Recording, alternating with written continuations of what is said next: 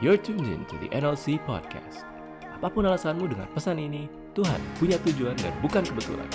Buka hati dan perubahan bisa terjadi karena firman lebih tajam dari sekadar pesan. Selamat mendengarkan.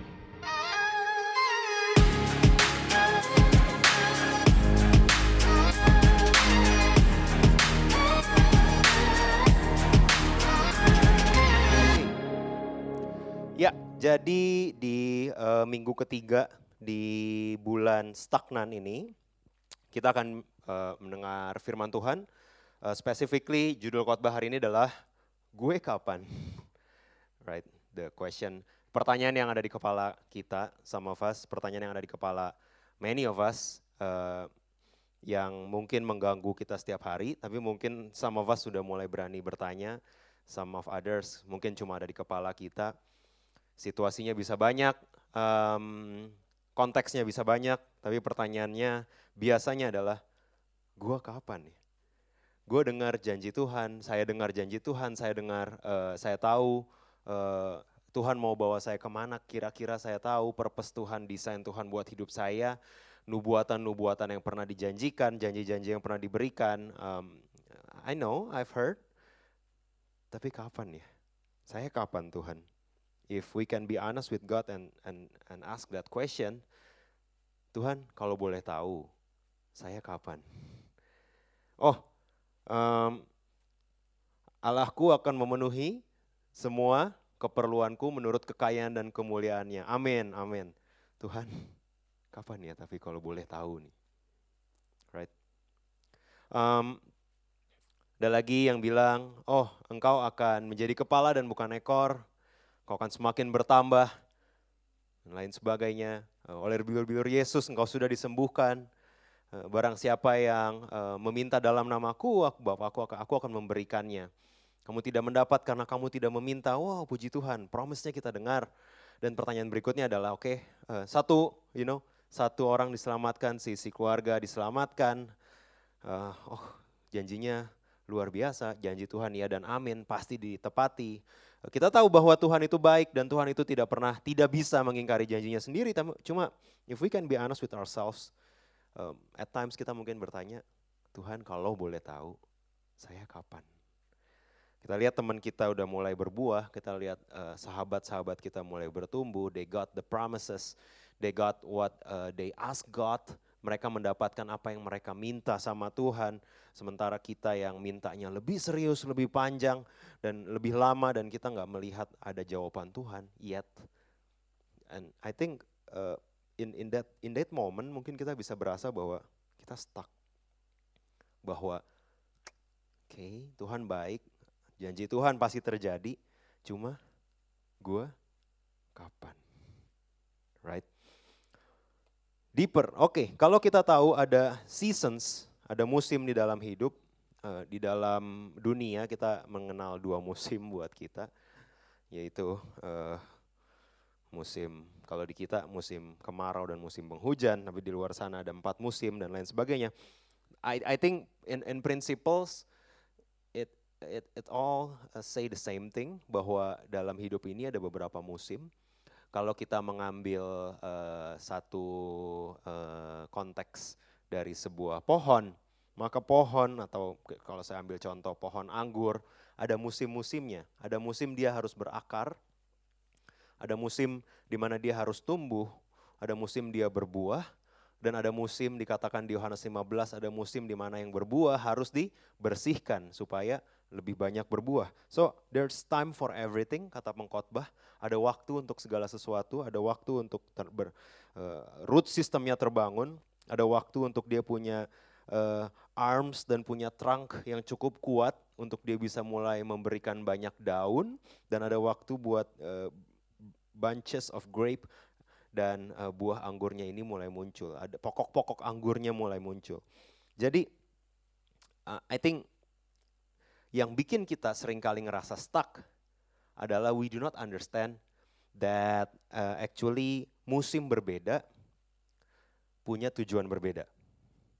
Musim berbeda punya rencana Tuhan yang berbeda.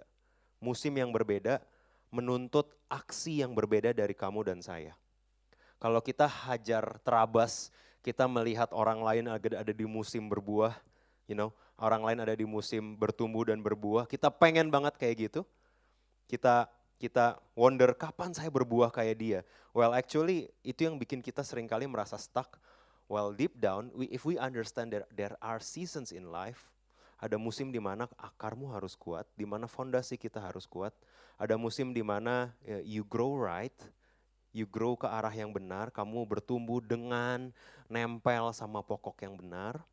Ada baru ada musim di mana kamu berbuah dan ada musim di mana kamu berhenti berbuah karena harus dibersihkan.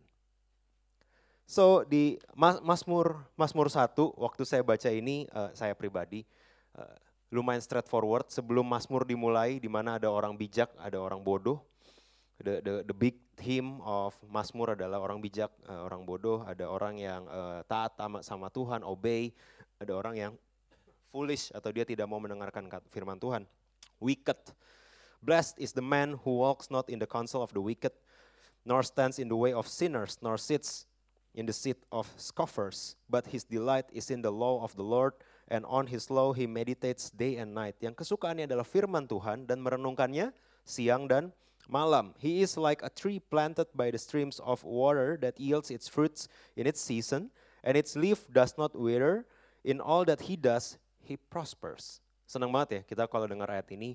Um, selama ini saya berpikir, oh kalau kalau kita sebagai orang Kristen begitu kita nempel sama Tuhan, boom, kita akan uh, keluar buah-buahnya. Mana buahnya? Katanya orang Kristen, kok dia nggak ada buahnya? Mudah sekali buat kita either ngejudge orang lain, uh, biasanya buat ngejudge bukan buat evaluate ourselves, right? Kalau kalau kita bilang orang itu Kristen, orang itu pelayanan tapi nggak nggak ada buahnya. Pertanyaan yang sama biasanya jarang kita berikan ke diri kita sendiri. I'm gonna pause here. Yang udah dibaptis dari umur 12, umur you know, if some guys like me kan baptisan di GBI umur 12. 4 April ulang tahun, 5 April dibaptis gitu kayak nggak mau lost, never lost a day to follow my Lord Jesus Christ gitu ya. Habis ulang tahun besoknya langsung baptis. Pokoknya ikut Tuhan gitu kan. We, we think ketika kita udah ikut Tuhan dan buah itu akan datang sendirinya. Tapi ayat ini, ayat yang actually it doesn't slip uh, my observation. Waktu saya baca saya paham, saya lihat kata-kata ini tapi buat saya, hah enggak lah orang Kristen harus berbuah setiap waktu right. Well, He is like tree planted by streams of water that yields its fruit in its season. Ada musimnya ketika tumbuhan ini akan berbuah. Kalaupun dia tidak berbuah, daunnya tidak akan layu. Apa saja yang diperbuatnya berhasil. Oh, kita senang dengar apa saja yang diperbuatnya berhasil, right? Yang di kepala kalian apa? Mau bisnis berhasil, pacaran berhasil, ya right, right? Yang ada di kepala kita dong. Berbuah kan itu ya. Oh, eh, di kantor berhasil, di ministry bertambah banyak, berbuah. Di pelayanan ber, berbuah bertambah banyak, di family berbuah bertambah banyak we we think bahwa apa saja yang diperbuatnya berhasil itu hanya melulu bicara soal berbuah. Well actually di ayat ini bicara lebih dari musim berbuah, tapi planted juga. Ketika dia berakar, dia berakar dengan berhasil.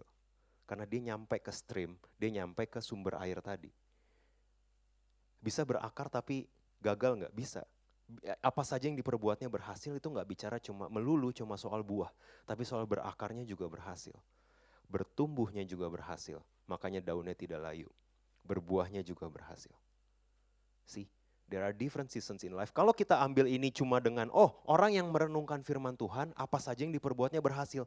You take this verse, kamu bawa ke kehidupan kamu sehari-hari dan kamu ambil mentah-mentah tanpa mengerti konteks, tanpa mengerti seasons, kamu mulai either satu mempertanyakan Tuhan, atau either dua kamu uh, kecewa sama Tuhan. Eh sorry, mempertanyakan atau kamu kecewa sama Tuhan.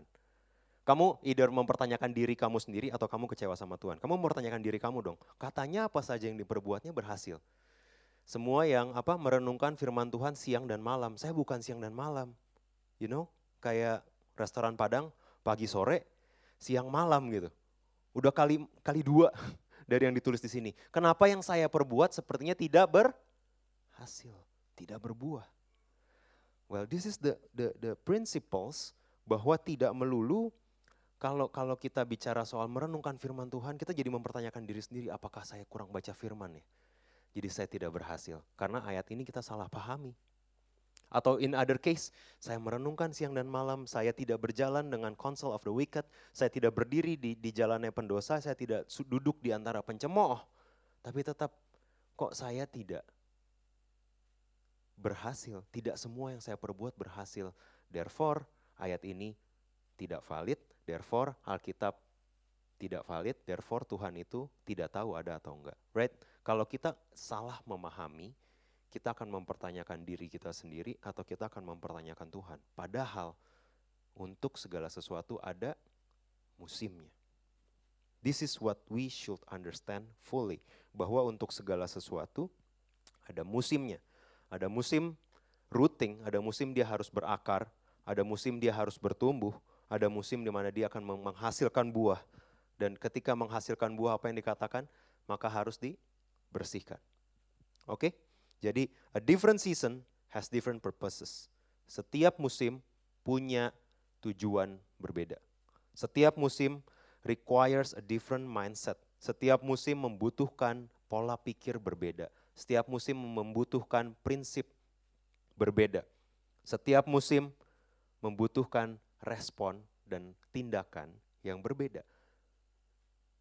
Ini kenapa kita stuck ketika kita pengennya ada di musim berbuah, Padahal Tuhan tahu kalau hari ini kamu dibawa ke musim berbuah, kamu dibawa ke musim janji Tuhan, kamu masuk tanah kanaan, kamu mati. Because your heart, because our hearts is not there yet. Our mindset is not there yet. Our repentance is not there yet. Kehidupan pertobatan kita belum cukup. Kerendahan hati kita belum cukup. Kalau Tuhan berkatin kamu besok, dikabulkan semua mimpi kamu, boom, kamu tinggalin Tuhan. He knows that. Makanya dia bilang, oh nggak sabar, sabar, it takes time the longer the winter, the greater the harvest. Makin lama kamu nunggu, makin siap hati kamu ketika musim tuayannya tiba. Dan ketika kita nggak paham ini, kita akan ngerasa stuck. Mana? Gua kapan? Temen gua udah berbuah. You know, some some those crazy hmm, testimoni yang kamu dengar, ada teman kamu yang tiba-tiba dibaptis uh, dari kecil beragama lain dan kemudian dia dibaptis, dia tak, dia terima Tuhan dan karena dia mulai ke gereja, keluarganya mulai nanya-nanya Tuhan, terus kamu wonder kayak saya dari kecil sekolah minggu nggak pernah bolos, tapi keluarga saya nggak satu pun yang datang ke Tuhan karena saya dan kamu mulai mempertanyakan, am I doing something wrong? Apakah Tuhan itu benar ada atau ini cuma semua kebetulan belaka? We need to understand that there are seasons in life ada musim yang berbeda yang membutuhkan pola pikir berbeda. Kalau pola pikir kita kamu kalibrate terhadap you know uh, musim berbuahnya orang lain, itu yang berbahaya. Ketika se sebuah pohon mangga marah karena pohon toge sudah berbuah dan dia belum. It sounds stupid, right? Karena setiap kita punya musim masing-masing. Tuhan yang tahu musim berbuah kamu kapan. And you start to wonder, kenapa saya belum dapat kerja, teman saya udah. Kenapa saya belum sesukses teman-teman sepermainan saya, sedangkan mereka udah CEO, udah director, udah VP, dan lain sebagainya. We calibrate ourselves terhadap orang lain. Ini yang jadi bahaya, nanti akan jadi bahaya. Ketika kita growing, dan kita merasa, oh, so take a look at me now. Lihat, daunku banyak pohonku tinggi. Without knowing what matters the most adalah buah. Oke, okay. different season has a different purposes. Kalau kita salah memahami ini, kita akan mulai frustrasi karena mindset kita, kita you know, salah kostum kita panik, right? Salah kostum bikin kamu panik. Giliran kamu tiba-tiba udah harus ke kantor, kebiasaan WFH, you know, tiba-tiba kamu lupa pakai celana panjang gitu kan. Ups gitu kan right? Saltum, udah balik ke kantor, salah kostum. Kita panik ketika salah kostum, kita marah ketika teman-teman asyir kita pakai baju hitam dan kamu telat tahunya dan kamu nggak pakai. It's weird, awkward, bikin gak enak, bikin uncomfortable. Kalau kalau salah kostum aja bikin kamu uncomfortable. Kenapa salah season, salah mindset nggak bikin kita uncomfortable? Harusnya kita uncomfortable knowing, hey saya ada di musim berakar. Di musim berakar yang harus saya lakukan bukan adu banyak buah.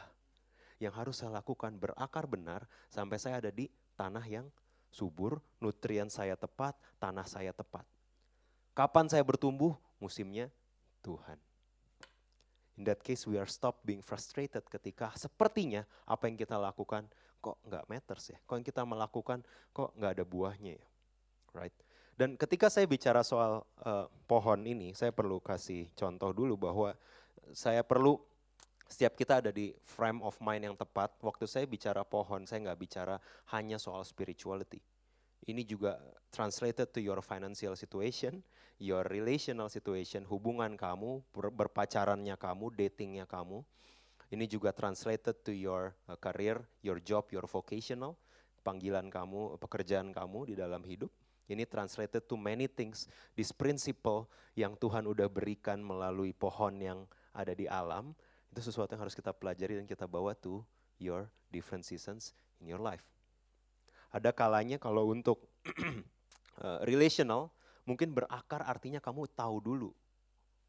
You know, pengennya udah grow kan, bertumbuh. I, I, I grow in love with you every day. Wow, tanpa punya akar, nggak tahu prinsip dia apa, nggak tahu dia gereja apa enggak, nggak tahu dia pelayanannya serius apa enggak, nggak tahu waktu doanya, nggak tahu dia marah kayak apa, nggak tahu dia handle finance kayak apa, nggak tahu dia gimana cara dia communicate ke orang tuanya. We don't know, kita nggak tahu semua yang perlu observe, perlu observation, perlu akar, perlu waktu, nggak spektakuler, belum ada pegangan tangan, nggak perlu pegangan tangan buat kamu lihat respon dia waktu marah, right? Tapi yang kita suka growing in love. Oh, I, I fall in love every day with you. Ya, we, kita suka growing-growing yang kayak gitu. Kita suka action-action yang kayak gitu. Kok kamu nggak bilang selamat pagi hari ini? Kamu masih malam di sana.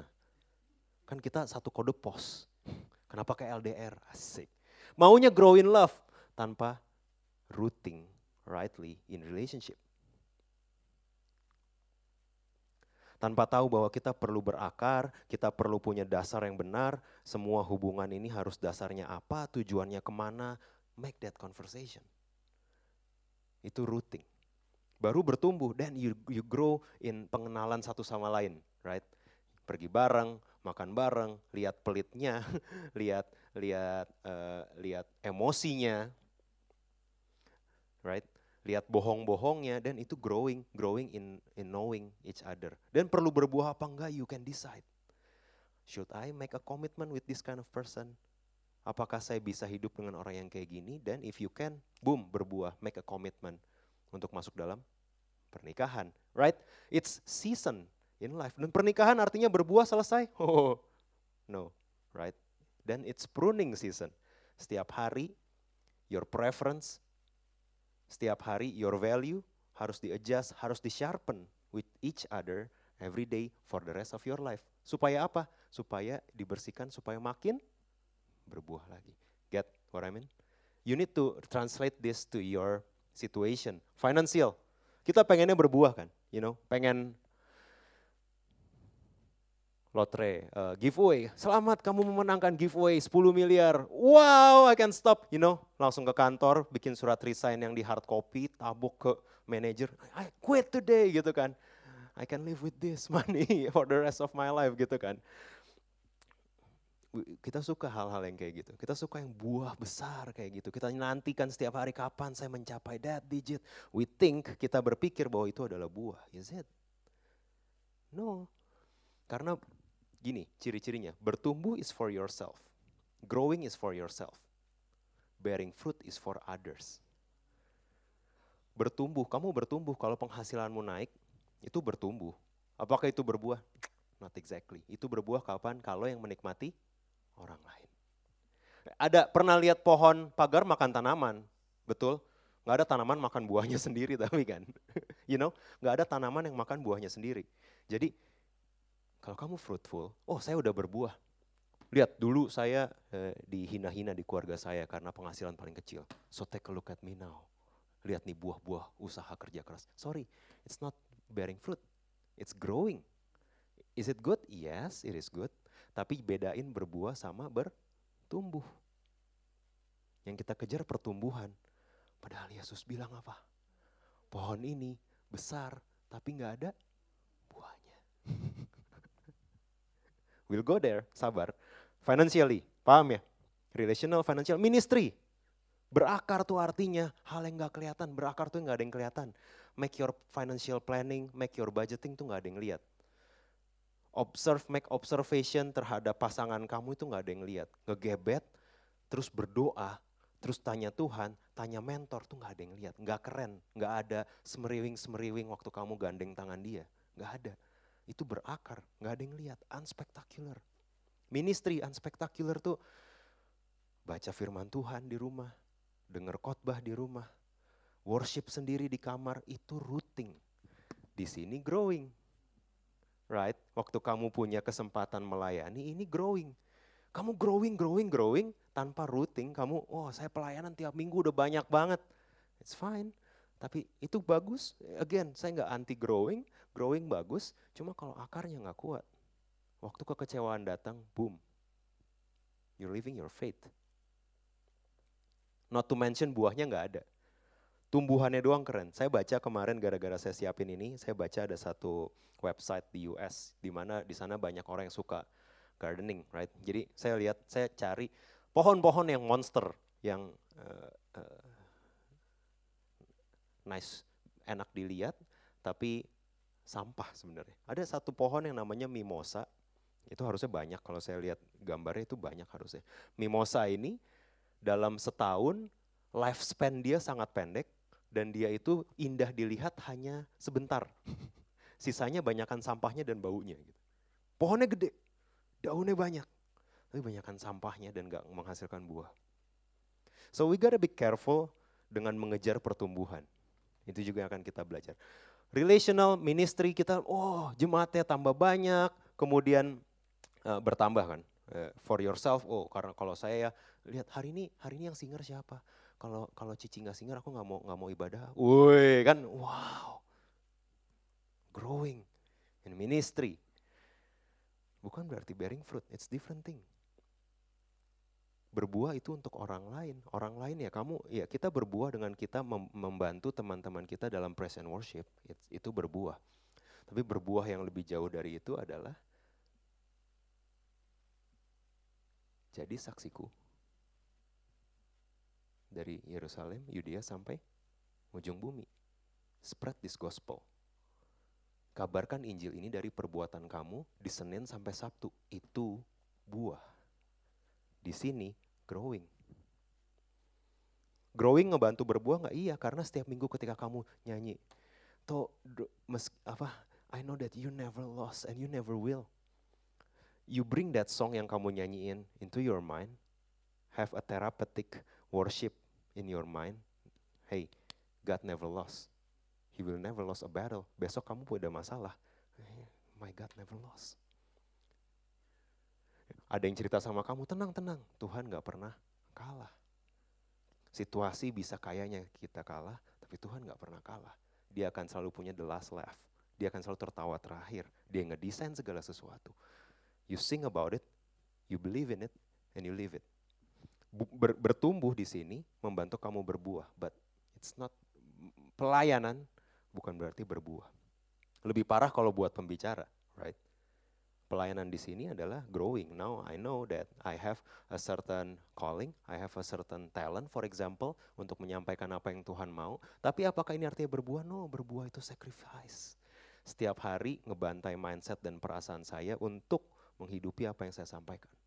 Itu berbuah. Oke, okay. so I hope waktu kamu dengar, mungkin nggak saya sebut, I hope you can relate apa yang disampaikan hari ini ke your situation in life. Ministry, spiritually, emotionally, financially, relationally, prinsipnya sama. Isu satu, isu yang pertama yang akan saya bahas adalah tidak berakar.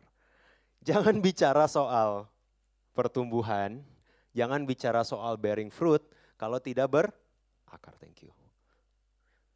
Kalau sampai saat ini kamu berasa I don't feel belong. You know what? Cari tempat di mana kamu belong.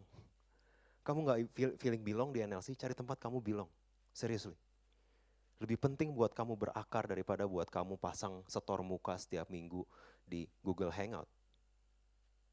Lebih penting buat kamu berakar dan tertanam daripada kamu cuma setor muka di gereja.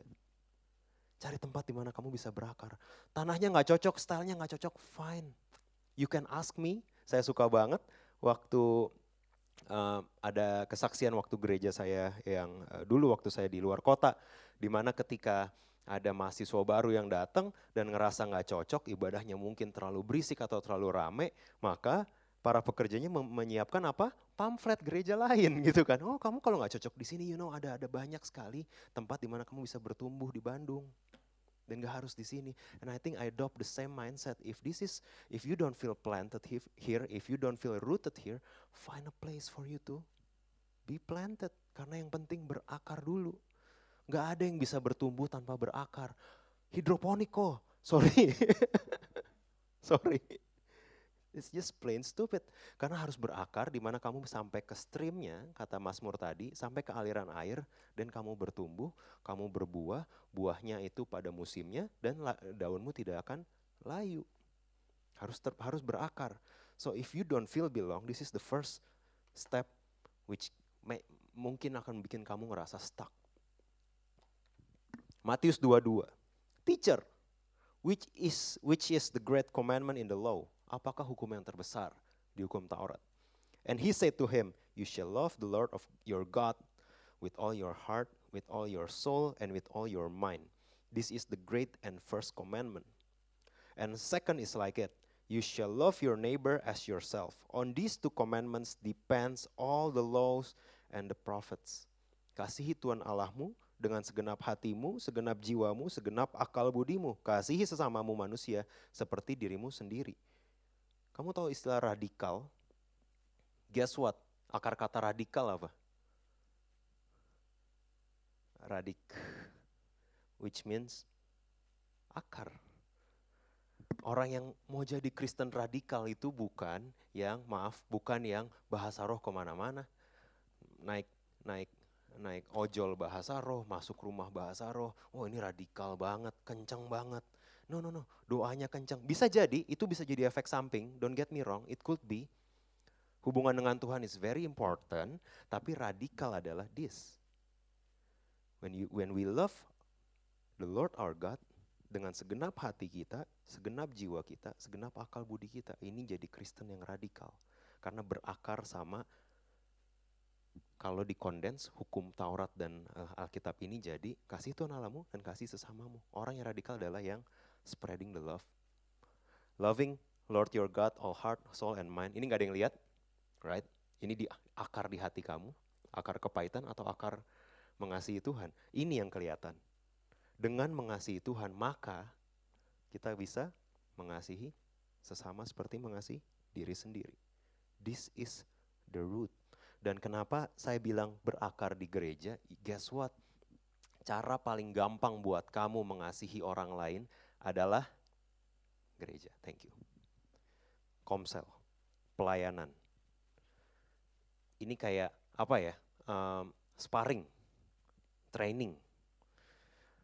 Apa ya? Semua sakit hati kamu di gereja oleh sahabat-sahabat kamu, semua uh, sharpening yang kamu terima di gereja, di komsel, yang kamu berikan buat orang lain, nasihat yang kamu terima, nasihat yang kamu berikan, ini yang sharpening you, ini yang ini yang bikin kamu bisa berakar. Praktek ini di mana? Paling mudahnya start dari gereja. Saya nggak bilang berakar cuma artinya di gereja. Actually no, berakar tuh artinya love, love your God and love your neighbor. Right? Gereja adalah salah satu awal yang mudah buat kamu bisa berakar. Karena ada orang-orang di sana yang kehilangan pekerjaan. Ada orang-orang di sana yang butuh telinga kamu. Ada orang-orang di sana yang baru dihianati ada orang-orang di sana yang batu setengah mati. This is where you can exercise your love. Love them as God loves you. Strengthen them as God strengthens you. Dan kamu bisa lihat, oh karena saya udah sering latihan di gereja, kalau ketemu di kantor yang model ginian, I can do better. I can respond better. I can forgive better. Karena udah latihan. See? Berakar itu penting. Lanjut, isu dua. Isu kedua adalah oke, okay, tadi tidak berakar. Sekarang berakar tapi nggak bertumbuh. I feel stuck. Di mana ciri-cirinya adalah saya udah berakar, saya udah ada di tempat ini, atau saya udah udah belajar uh, something, saya udah belajar relationship. Tapi pacarnya mana gitu. saya udah belajar wedding. Dari persiapan sampai H plus 1. Pertanyaan Tuhan, mempelainya mana? Right? Gua kapan? Routing, routing, routing, routing. Tapi kita nggak merasa ada growing. It's unspectacular. Kita perlu tahu bahwa tujuannya adalah untuk strengthen the foundation. Jalan muter, muter, muter 40 tahun. Never waste a battle. Artinya apa? Artinya itu ada maksudnya, ada tujuannya, ada posisi kerendahan hati yang perlu 40 tahun baru bangsa Israel ada di posisi itu. Right? Takes a while, but God never waste a battle. Masa-masa kering itu nggak pernah sia-sia. Tuhan bawa kita ke level kerendahan hati tertentu if we respond right. Ingat, tidak semua dari bangsa Israel masuk ke tanah perjanjian. Banyak kan mati di padang gurun. Mati di routing tanpa melihat janji Tuhan. You know, fruitful buat bangsa Israel adalah kamu akan masuk ke tanah perjanjian yang berlimpah susu dan madunya. Do, do they ever, did they ever see it? No. Mereka mati most of them kecuali Yosua dan Caleb. Karena mereka nggak respon right ketika ada di musim berakar. Hati-hati, hanya karena tujuh janji Tuhan ya dan amin. Uh, sorry, kalau kamu missing the whole time di NLC, hanya karena janji Tuhan ya dan amin bukan berarti pemeran utama dari hidup kamu adalah kamu. pemeran utama dari hidup Merrick adalah Yesus. Pemeran utama dari hidup kalian adalah Yesus. Kita cameo. Kalau cameo mati, nobody cares. Kalau cameo bisa dipakai Tuhan, bisa punya peran, itu privilege. Right? So it depends on your respond. Kalau kita ngerespon yang nggak benar, kita mengeraskan hati kita, kita bersungut-sungut, komplain terus, kita mungkin nggak pernah bisa ngelihat buahnya. Orang lain mungkin akan ngelihat buahnya.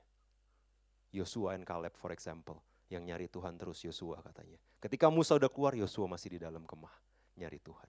Buat yang kayak gitu mereka ngelihat janjinya buat some of us yang menerima janji Tuhan, mungkin kita nggak ngelihat tapi jadinya. Careful, karena it's a routing season, outcome-nya harusnya adalah kita harus pahami outcome dari masa-masa berakar di mana kayaknya kok nggak kelihatan apa-apa ya, nggak ada pertumbuhan sama sekali. Outcome-nya adalah personal value sama karakter kita yang berubah. Karakter kita berubah, value kita berubah, dan ketika Tuhan melihat, oke okay, anak ini udah siap dipercayakan lebih, sebelum berbuah. Oke. Okay? Dan in that season mungkin kita bisa dikasih lebih banyak. Oh, itu resonate with barang siapa? Setia dalam perkara kecil, Tuhan akan memberikan perkara besar. Di minggu lalu kita dengar bahwa Daud setia dengan kambing domba dia yang tidak spektakuler. Who knows? Janji Tuhan dia udah dengar. Tapi dia masih setia sama kambing domba tahunan setelah itu. Karena it takes a while sampai dia actually jadi raja. Bahkan setelah dia bertumbuh pun jadi jenderal, dia tetap mau dibunuh raja gitu kan. Kapan mana janjinya? Tapi si si Daud setia dengan perkara kecil, setia dengan kambing dombanya. Nah, the question is, kalau kita yang ada di musim, mana janji Tuhan, gua kapan? Pertanyaannya adalah, hey, mikirin itu, mikirin season berbuah, nggak membuat season berbuahnya lebih cepat. Nangkep gak sih maksudnya? Kamu punya pohon mangga nih, kamu pikirin tiap hari, kapan nih berbuah? Apakah besok lebih cepat berbuahnya? Kamu tempel post it, berbuahlah dalam nama Yesus gitu kan. Berbuah nggak dia? Enggak. Cause there a season in life. Kalau kita cuma fokus kenapa gua stuck, gua kapan, probably the question is wrong. The question is, Tuhan di padang gurun ini di situasi tidak spektakuler ini, di situasi di mana saya nggak bisa jadi berkat, doa saya nggak dijawab ini, what you want me to do? Karakter apa yang harus saya bangun? Skill apa yang harus saya ambil? Ide apa yang harus saya mulai? Sih, ini nggak kelihatan, ini nggak keren, ini nggak bisa di-post, ini nggak bisa di-highlight karena ini routing mohon maaf, kamu cari semua tanaman yang muncul either daunnya, bunganya, atau buahnya. Pernah kamu search tanaman yang keluar akarnya? Enggak pernah. Karena nggak keren. Akar ini nggak keren dan nggak ada yang lihat. Trap of rooting right ketika semak, you know what? Ketika lagu tadi bilang the longer the winter, the greater the harvest. Semakin lama akarnya ini ke dalam, mungkin, mungkin, mungkin kalau kamu sudah merespon dengan tepat tapi Tuhan seperti tidak memberikan pertumbuhan, mungkin, mungkin pertumbuhannya akan luar biasa. Jadi akarnya perlu dalam. Take some times. Saya lupa ilustrasi yang sering dibawa, tapi ada satu pohon, saya I've totally forgot the name. Probably you can google it. Jadi kalau dia ditanam, dia mesti ditiban pakai batu. Kenapa? Karena di, kalau dia kecepatan tumbuh, dia mati. Akarnya mesti kuat, dia akan break through the stones. Kadang kita ngerasa mampet kan, Tuhan ngasih batu kan di relational kita. Tuhan ngasih batu di finansial kita, di ministry kita. Why? Karena akarnya perlu kuat. Then you can be a strong plant. Kamu akan jadi tumbuhan yang strong karena akarmu kuat. Hey, trap of rooting right, berakar dengan benar, kamu bisa jadi anxious dan unhappy loh. Mana? Merek versi 2019 dan 2020 kayak nggak ada bedanya. Penghasilannya segitu-segitu aja for example, relationalnya gitu-gitu aja, tetap aja jomblo, teman malah turun gitu kan. followers malah turun, orang-orang naik ini bisa turun. People just decided to unfollow me gitu for example kan. Kenapa gitu kan? Gak keren, gak, di, gak bisa di highlight, gak growing sepertinya. This is the trap of rooting right. Pertama check your heart. Saya bertumbuh, saya berakar gak nih? Fondasinya saya get it gak? Di dalam Tuhan, pengenalan saya akan Tuhan ini berakar nggak dengan prinsip-prinsip yang benar? Then don't be anxious. You can be anxious, you can be unhappy. Tapi Yesus bilang something about anxiety later. Kedua, trapnya adalah trap of growing too soon. Circumstances could kill your faith. Karena kalau kamu kecepatan tumbuh, kecepatan dapat something, kecepatan get something, itu bisa jadi malah melukai kamu kecepatan tumbuh, dikarbit pertumbuhannya, bisa jadi mati. Iman kita yang mati. Ketika akarnya nggak kuat, sih, bukan tanah yang gembur, tan tumbuhannya tumbuh, tapi karena nggak kuat-kuat amat, semak duri, batu mulai menghimpit dan mati. This anxiety. You know, ada cerita, I know, you you will hear ini lumayan generik ceritanya. Uh, you will hear ini bukan cerita, actually ada beberapa kesaksian dan berbagai orang prinsipnya sama saya pikir. Ketika usahanya kecil, they can sleep well. Ketika ketika tumbuh, ketika grow, jadi 500 cabang, jadi 1000 cabang, jadi regional, jadi nasional dan mulai regio, uh, Southeast Asia atau internasional ketika dia mulai banyak perusahaannya di mana-mana, dia mulai nggak bisa tidur lagi, nggak bisa ke gereja lagi, nggak bisa uh, be there for for the family again dan mulai kehilangan semuanya. But tapi dia punya pertumbuhan. It's fine. If that's what you aim in life, probably it's fine. Tapi saya mulai mengkalibrasi diri saya. Actually, what matters in life? Buah atau pertumbuhan? Saya nggak mau gereja di sini nggak bertumbuh. Wih, kita suka banget sama sesuatu yang bertumbuh. Bisnisnya bertumbuh gila, grow-nya cepet banget. Wih, you know, you like that. You like that phrase, grow. The question is, is that what matters to God atau fruit? Is growing the only thing that matter in life? Atau buah? Kalau growing is the only thing that matters, you know what? Yesus nggak sukses-sukses amat. Pelayanannya growing. Sorry, dari 12 yang satu cabut. 12. Cuma 12 nggak punya waktu apa mentoring. Sampai satu cabut gitu kan. Kalau kita ukur cuma dari grow. Oh, kita punya semua idola kita yang growing-growing, right? Oh dia ada 15 kantor, dia ada 15 ada 20 perusahaan, kliennya banyak, posisinya tinggi, headcountnya udah lima, udah, udah 30, we like that. The world throw throw that at us supaya kita bengkok kalibrasinya as if growing is what matters the most. Padahal yang matters the most adalah buah. Boleh cuma 11, yang satu dari menyangkal jadi batu karang. itu buah. Itu buah. Right? Trap of growing too soon. Matius 6 bilang, Therefore I tell you, do not be anxious about your life. Yesus kasih super practical, super straightforward. Jangan khawatir tentang hidupmu, what you will eat, what you will drink, about your body, what you will put on is not life more than food and the body more than clothing. Bukankah hidup ini lebih dari sekedar followers dan lebih dari sekedar sekedar posisi di LinkedIn? Oh, ini kalau saya translate ke hari ini itu jadinya. Bukankah hidup lebih dari sekedar clients dan posisi di LinkedIn? You know, masalahnya mulai berubah kan. Tadinya masalahnya di zaman itu adalah pakaian dan makanan. Oh sekarang yang jadi masalah buat kita apa? Followers, posisi, aset, investasi, portfolio itu jadi lebih penting. Bukankah hidup lebih dari sekedar portfolio? Kalau Yesus ada di sini, he would say that to me, bukankah hidup lebih dari sekedar posisi, Merrick? Ouch. It's not life more than food and body more than clothing. Look at the birds of the air. Lihat burung di udara. Mereka tidak mereka tidak menabur, tidak menuai, tidak mengumpulkan di lumbung, tetapi Bapamu di surga memelihara mereka. Bukankah kamu lebih berharga dari itu? Saya waktu baca ayat ini, bukankah kamu lebih berharga? Ini seperti, oh manusia lebih berharga dari burung, betul? Kita mikirnya gitu kan? Oh manusia lebih berharga dari burung. Bukankah kamu lebih berharga dari mereka di, di hadapan Tuhan? That's true. Tapi waktu saya baca ulang ada satu konteks lain yang yang yang saya rasa sangat membantu saya. And I think it could help you as well. Lihat, burung yang tidak menabur, tidak menuai, dan tidak planning aja, Tuhan pelihara.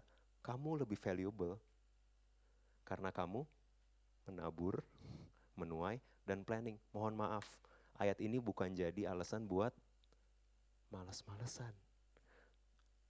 Kok kamu nggak kerja? Burung di udara saja Tuhan pelihara.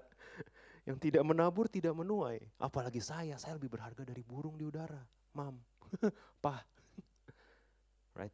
Hati-hati, jangan bawa ayat ini keluar konteks. I think kita bisa mensalah, menyalah artikan konteksnya. Konteksnya adalah burung ini tidak menabur, tidak menuai, tidak planning, tapi Tuhan pelihara. Kamu lebih berharga karena sebagai manusia Tuhan berikan pada kamu akal budi. Nabur dong. Oh, kalau saya mau menuai ini, saya harus nabur segini. Ya betul, saya nggak seberapa, tapi taburan ini harus tetap ada. Tabur, tuai, save, make investment. Saya nggak cuma ngomong financial, really, you got me wrong kalau ini cuma financial. Bukan cuma financial, you reap, you you sow good words to your partners. Ah, right? Kamu tabur hal-hal baik, perkataan baik, perkataan positif, call out his identity in Christ, her identity in Christ instead of judging then you reap what you sow. Karena burung aja dipelihara yang gak nabur apalagi kamu. Yang nabur good things to people around you. This is, this is the first. And which of you by being anxious can add a single hour to his span of life? Siapa dari kamu yang hanya dengan kekhawatiran bisa membuat musim tuh maju satu gitu. Saya khawatir banget nih Tuhan mulai kekeringan. Kalau bisa mulai besok, uh, saya khawatir nih Tuhan saya nggak enjoy seperti teman-teman saya di luar negeri, sorry. Saya berdoa Tuhan mulai besok musim salju di Jakarta. Wow, kiamat gitu kan. No, no, none of us can bring season lebih cepat atau lebih lama. Bisa jadi Tuhan izinkan kita lebih lama di season padang gurun, tapi kekhawatiran kita tidak membuat season lebih cepat. Instead of anxious, why don't we do something about it? Do what we can. Lagi berakar, do what we can. Lagi growing, do what we can. Lagi berbuah, do what we can. That's the main message of today. Ini isunya. Isu ketiga, bertumbuh tapi tidak berbuah. I feel like I don't matter. I don't know, saya nggak tahu seberapa banyak di antara kita yang, you know, you see growth in your life. Kamu mencapai doa kamu 10 tahun yang lalu. Hari ini it still feel empty. Eh, nggak tahu ya, mungkin cuma saya gitu. I don't know about you. Kamu berdoa untuk something great, kamu kamu berdoa mati-matian buat pacar, hari ini kamu udah nikah dan kamu wonder, kenapa saya nikah? Kamu berdoa mati-matian buat company dan hari ini kamu wonder, it's so tiring. Kamu berdoa mati-matian buat penghasilan sekian dan hari ini kamu wonder, does this matter? Guess what? Karena C.S. Lewis bilang, your heart, your mind, setiap manusia didesain untuk true joy yang cuma ada dengan persekutuan dengan Allah. None of this thing, main lumpur, gak bakal menggantikan itu. Kalau ada anak kecil, kata C.S. Lewis, dijanjiin ke pantai, main lumpur, main tanah di belakang rumah gak bakal bisa ngegantiin janji main ke pantai yang papanya berikan. Hari ini, growing kita itu cuma main lumpur. The real thing is kingdom of God. The real thing is kita dipersatukan lagi, heaven and earth collides, kita hidup bersama-sama lagi dengan Tuhan. Jamuan makan ada Tuhan di sana. That's the real thing. That's the real joy. There's no substitute. Gak ada board game yang bisa ngegantiin itu, gak ada tas yang bisa ngegantiin itu, gak ada sepatu yang bisa ngegantiin itu, gak ada gereja pelayanan yang bisa ngegantiin itu. Gak ada penghasilan, gak ada posisi yang bisa ngegantiin itu. That's the true joy. So we need to recalibrate ourselves. Ketika kamu lihat pertumbuhan dan I don't feel like I feel like I don't matter, mungkin memang betul. Memang itu tidak matters, makanya kamu perlu kalibrasi ulang. Kejar apa sih di hidup? Again, kalau kamu ambil ini out of context dan bilang, oke okay, saya besok resign, saya cari Tuhan aja, you got it wrong.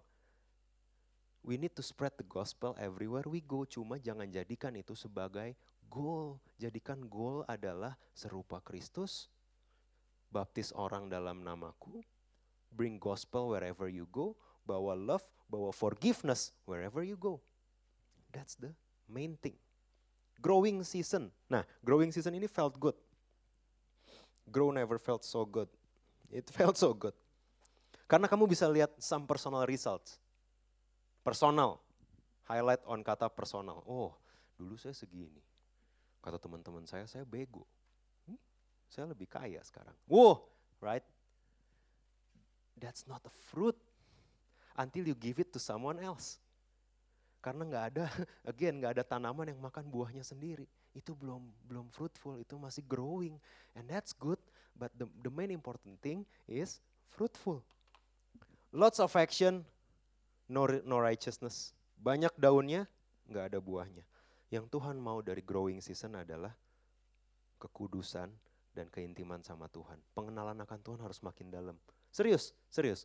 Makin makin tinggi, uh, I can say karena dari pelajar mahasiswa, we've been hearing a lot of the word of God, firman Tuhan kita banyak dengar. Saya udah melalui, ya I, I, am I'm at a point mungkin lebih depan dikit dari most of you, di mana mengalami uh, pengangguran, mengalami penghasilan sekian, mengalami di PHP perusahaan, you know, mengalami uh, hampir dikat, mengalami, you know, uh, mengalami penghasilan yang sekian, sekian, mengalami banyak hal dan dan one one thing that I can tell you is this, semakin tinggi Tuhan dikasih izin pertumbuhan kamu, semakin kuat spiritual intake kamu yang kamu perlukan. Semakin banyak spiritual intake yang kamu perlukan. Kalau pas kamu kuliah, gini saya ulang, kalau pas kamu kuliah, komsel dan dengar firman sekali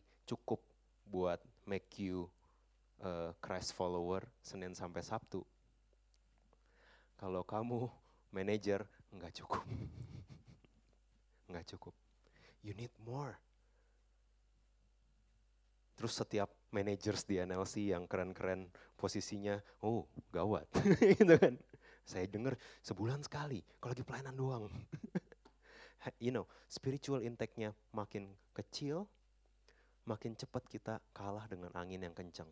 There are many temptations, there are many accusations ketika kamu udah semakin tinggi Tuhan berbawa. Dan the only way untuk kita survive adalah holiness and intimacy with God. Bikin kita respon dengan benar, bikin kita nggak cepat nyerah, bikin kita nggak uh, desperate. Spiritual intake jawabannya. Makin besar pohonnya, makin susah, makin metabolismenya makin tinggi, makin banyak perlu nutrisi, akarnya harus makin kuat. Jangan berpikir, oh I'm done rooting. Rooting tuh buat anak-anak cupu. Saya udah bertumbuh, lihat daun saya begini banyak. No, rooting itu justru makin, akar itu justru makin kita perlukan, makin tinggi Tuhan bawa kita. Matius 21. Di pagi hari, as he was returning to the city, he became hungry. Jesus, Yesus lapar. And seeing a fig tree by the wayside, he went to it and found nothing on it but only leaves. Gak ada buahnya, all daun doang, hijau daun. Like that band. Cuma ada daun, gak ada buah. Gak ada apa-apa. And he said to it, may no fruit ever come from you again. And the tree withered at once. Gila. Gila ada pohon yang keren banget, ada pohon yang tinggi banget, yang daunnya banyak banget, yang ngerasa dia udah uh, yang ngerasa dia udah make make a dent in life, yang ngerasa dia udah I'm I'm, I'm something now. Dibanding saya dulu, lihat saya lebih tinggi, daun saya lebih hijau, daun saya lebih banyak, daun saya lebih hijau dari semua tetangga yang saya bisa lihat. Wow, wow, keren, keren. Sampai Yesus datang dan bilang, kamu gak ada buahnya. Ah. Ini bisa jadi yang penghasilannya 10x, 10 kali, dan Tuhan datang dan bilang kamu gak ada buahnya. Sementara ada orang yang masih cari kerja dan Tuhan bilang, hei buahmu manis. Oh, sorry, kalibrasi terlalu berat di pagi ini. ini ada orang yang udah nikah dan yang yang yang uh, memaksakan buahnya sendiri in life, you know. Blessings itu bisa diberikan Tuhan, bisa dibikin sendiri. Serius. Karena karena ada hukum tabur tuai, right? Right? Ada hukum tabur tuai. Tuhan memberikan hujan dan matahari buat semua orang kan. Semua orang yang bekerja keras, you will see the growth in your life. You will see that. You will see that. Dan kalau kamu ngerasa janji Tuhan lama banget, kalau Tuhan gak mampu kasih janji, biar ku bikin sendiri gitu kan. Hei, Bapak orang beriman do that, did that. Hei, Tuhan kalau Tuhan janjiin pasir, keturunan seperti pasir di laut dan bintang di langit, itu janji Tuhan, itu buahnya yang Tuhan janjiin kan. Cuma lama banget ya. Ulang tahun 100 udah lewat gitu kata Abraham kan. Iya kan? Eh serius, sampai waktu waktu malaikat Tuhan datang pun dan bilang ke Sarah, "Hey, tahun depan kamu akan punya anak." Dia ngapain? Ketawa lu gila. Gue 90 mati kali gue kalau gue mengandung kata dia 90 tahun. Tapi Tuhan, si Abraham dan Sarah menunggu buah ini terlalu lama, dia bisa, you know, ada ada fruit of impatience. Ketika kamu tunggu blessing saya Tuhan dan gak datang-datang, kamu coba shortcut. Bisa, bisa. Tapi ada konsekuensinya. Tuhan, kok kamu, kok engkau berkatin aku tapi gini sih? Terus Tuhan bilang, Siapa bilang itu berkat daripadaku? Itu kamu memaksa dirimu sendiri to go there. And you eat the fruit of impatience. Gak sabaran pacaran, terabas sana, terabas sini. Komitmen belum ada, cincin belum ada, hidup udah kayak suami istri, emotionally, physically. You eat the fruit of impatience. Karena there's a season of everything. For everything there's a season kalau kita impatience, maka akan ada buahnya juga. So this is these are the trap of growing strong. Ketika kamu strong, Tuhan bawa kamu naik dan tidak turun, bertumbuh kan? Tuhan bawa kamu naik dan tidak turun, posisinya naik naik naik, penghasilan naik naik naik, uh, sama sama gebetan mulai progressing towards pernikahan, you know, uh, tabungan mulai you know tadinya ada aduh depositonya minimalnya belum nyampe nih gimana gitu kan? Oh sekarang udah mulai nyampe. Growing. You're growing in life and that's good. But the trap of growing strong to become proud comfortable and convenient.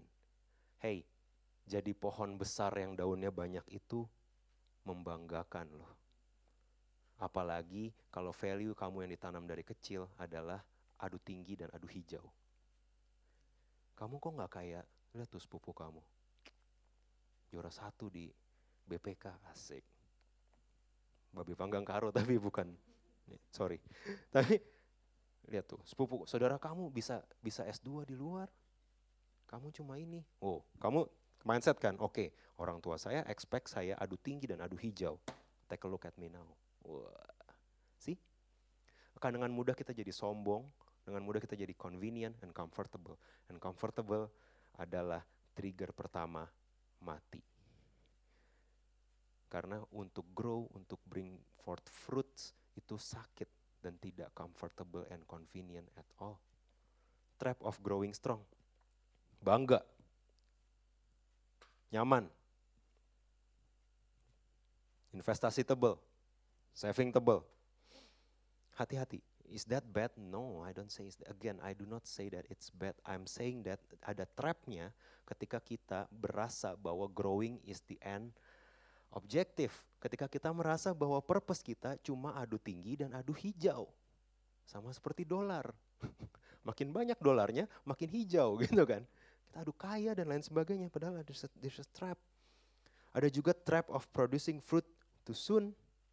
Kita nyaman dengan pseudo blessing Ya udahlah, dari tadinya punya 10 kriteria buat jadi pasangan, mulai 9, mulai 8, mulai 7, mulai asal dia napas dan dia beda jenis gitu. Udah mulai turun gitu kan. Diskon segala sesuatu.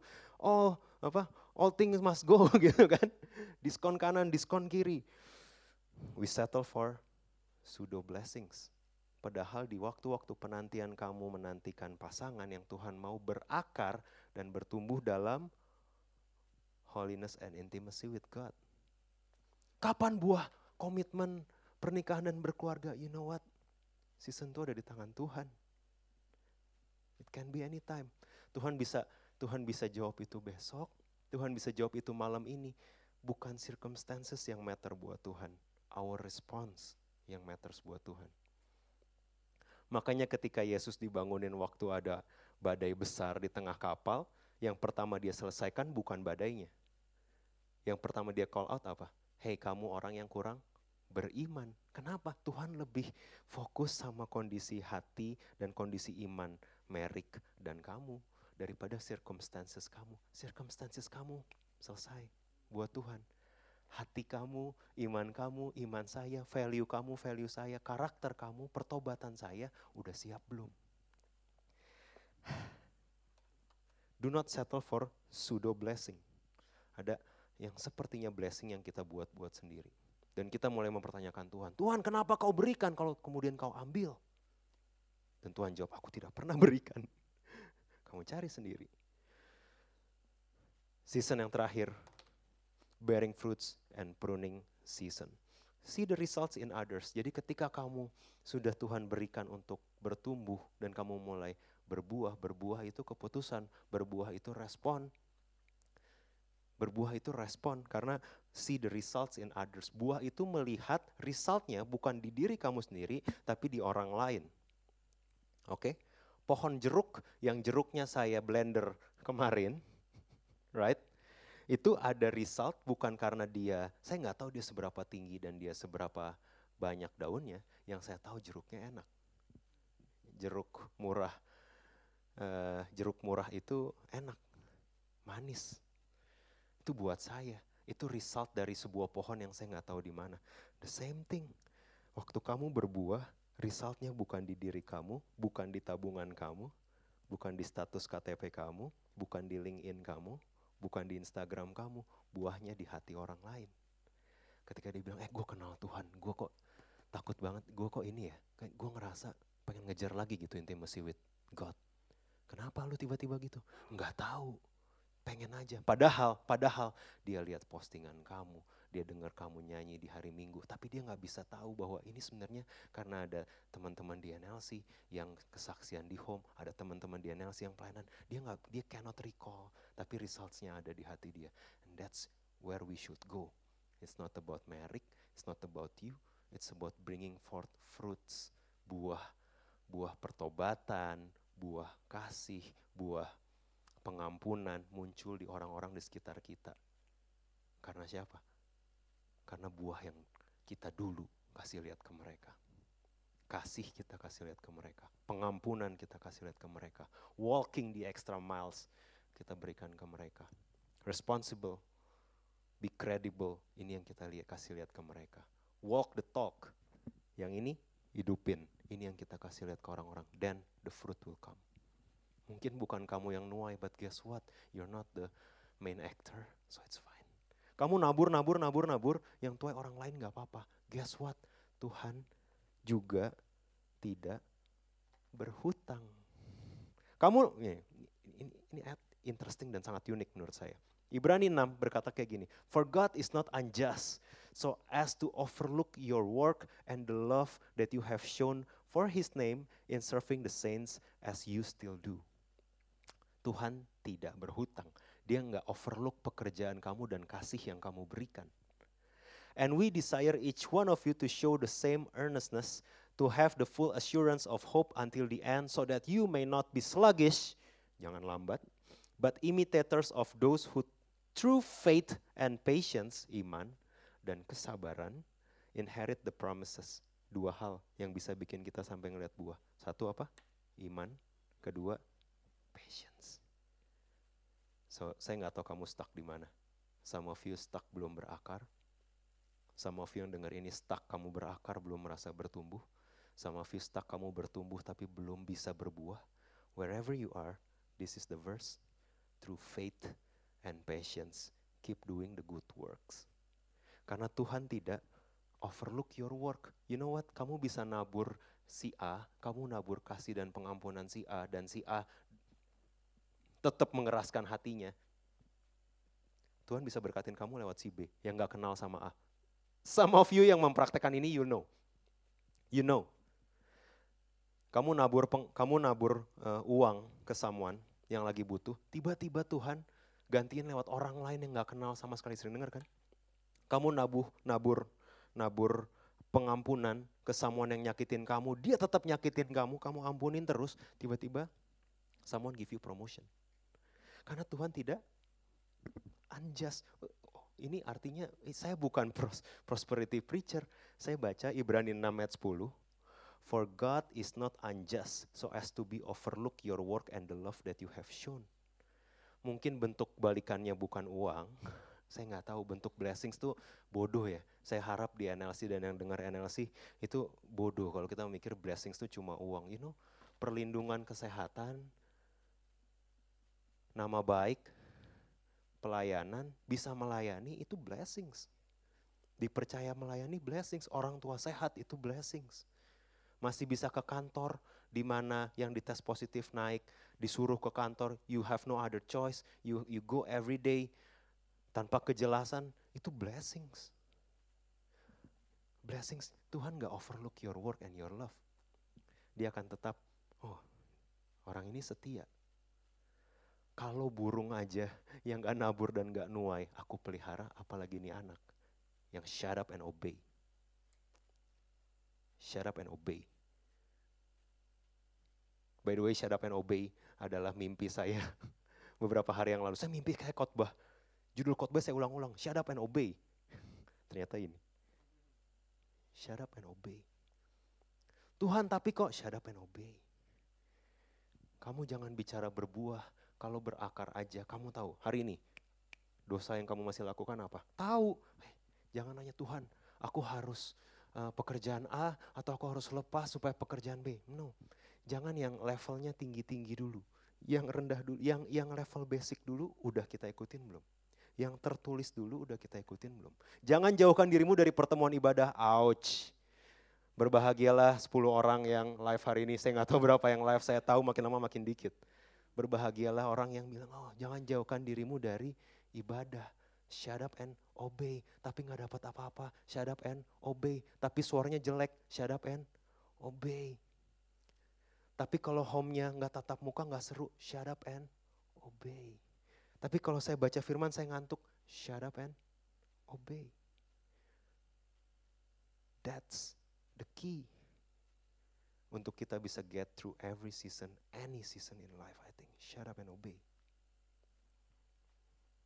Karena Tuhan tidak overlook our work. Saya tutup dengan habis ini ada satu ayat lagi.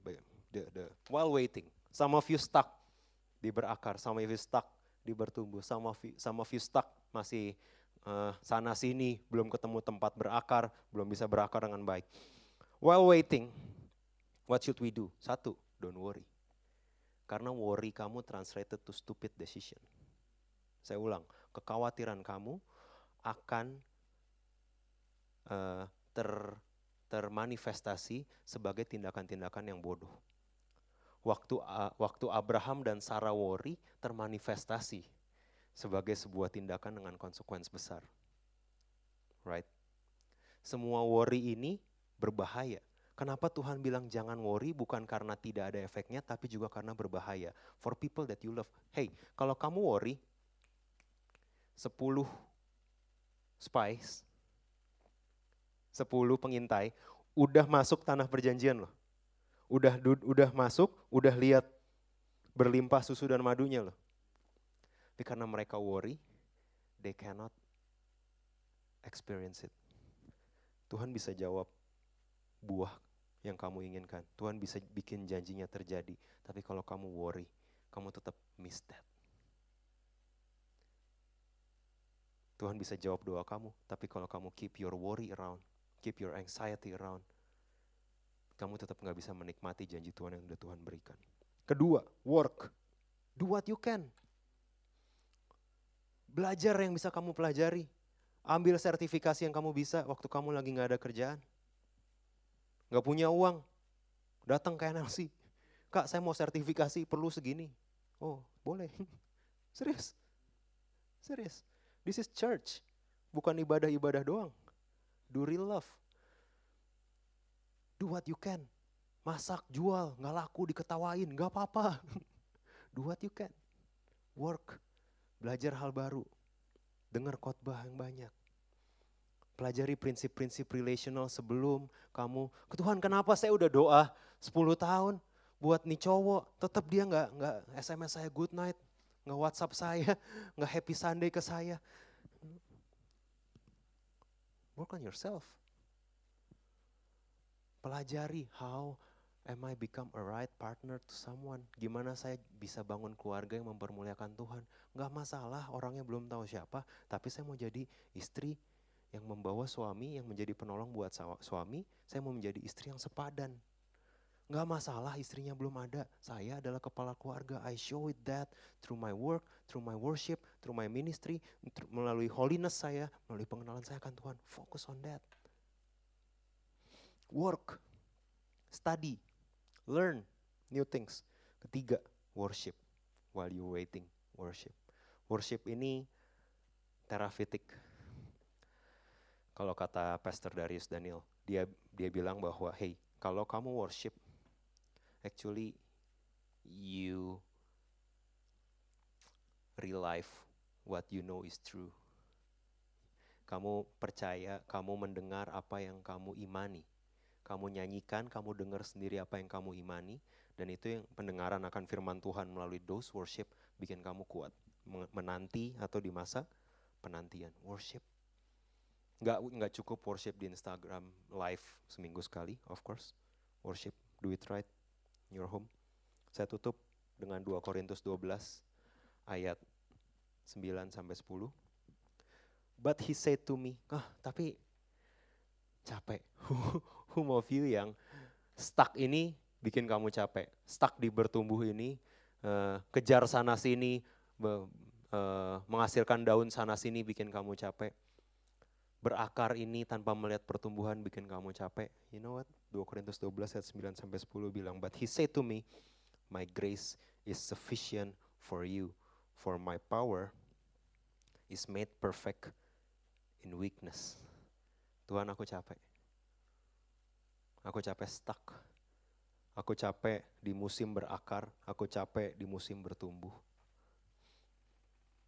Jesus said, cukup kasih karuniaku bagimu. Di dalam kelemahanmu, kelemahanmu lah kuasaku sempurna. Therefore I will boast all the more gladly of my weaknesses, so that the power of Christ may rest upon me. For the sake of Christ then, I am content with weakness, insults, hardships, persecutions, and calamities. For when I am weak, then I am strong. Saat aku lemah, itu saat aku kuat.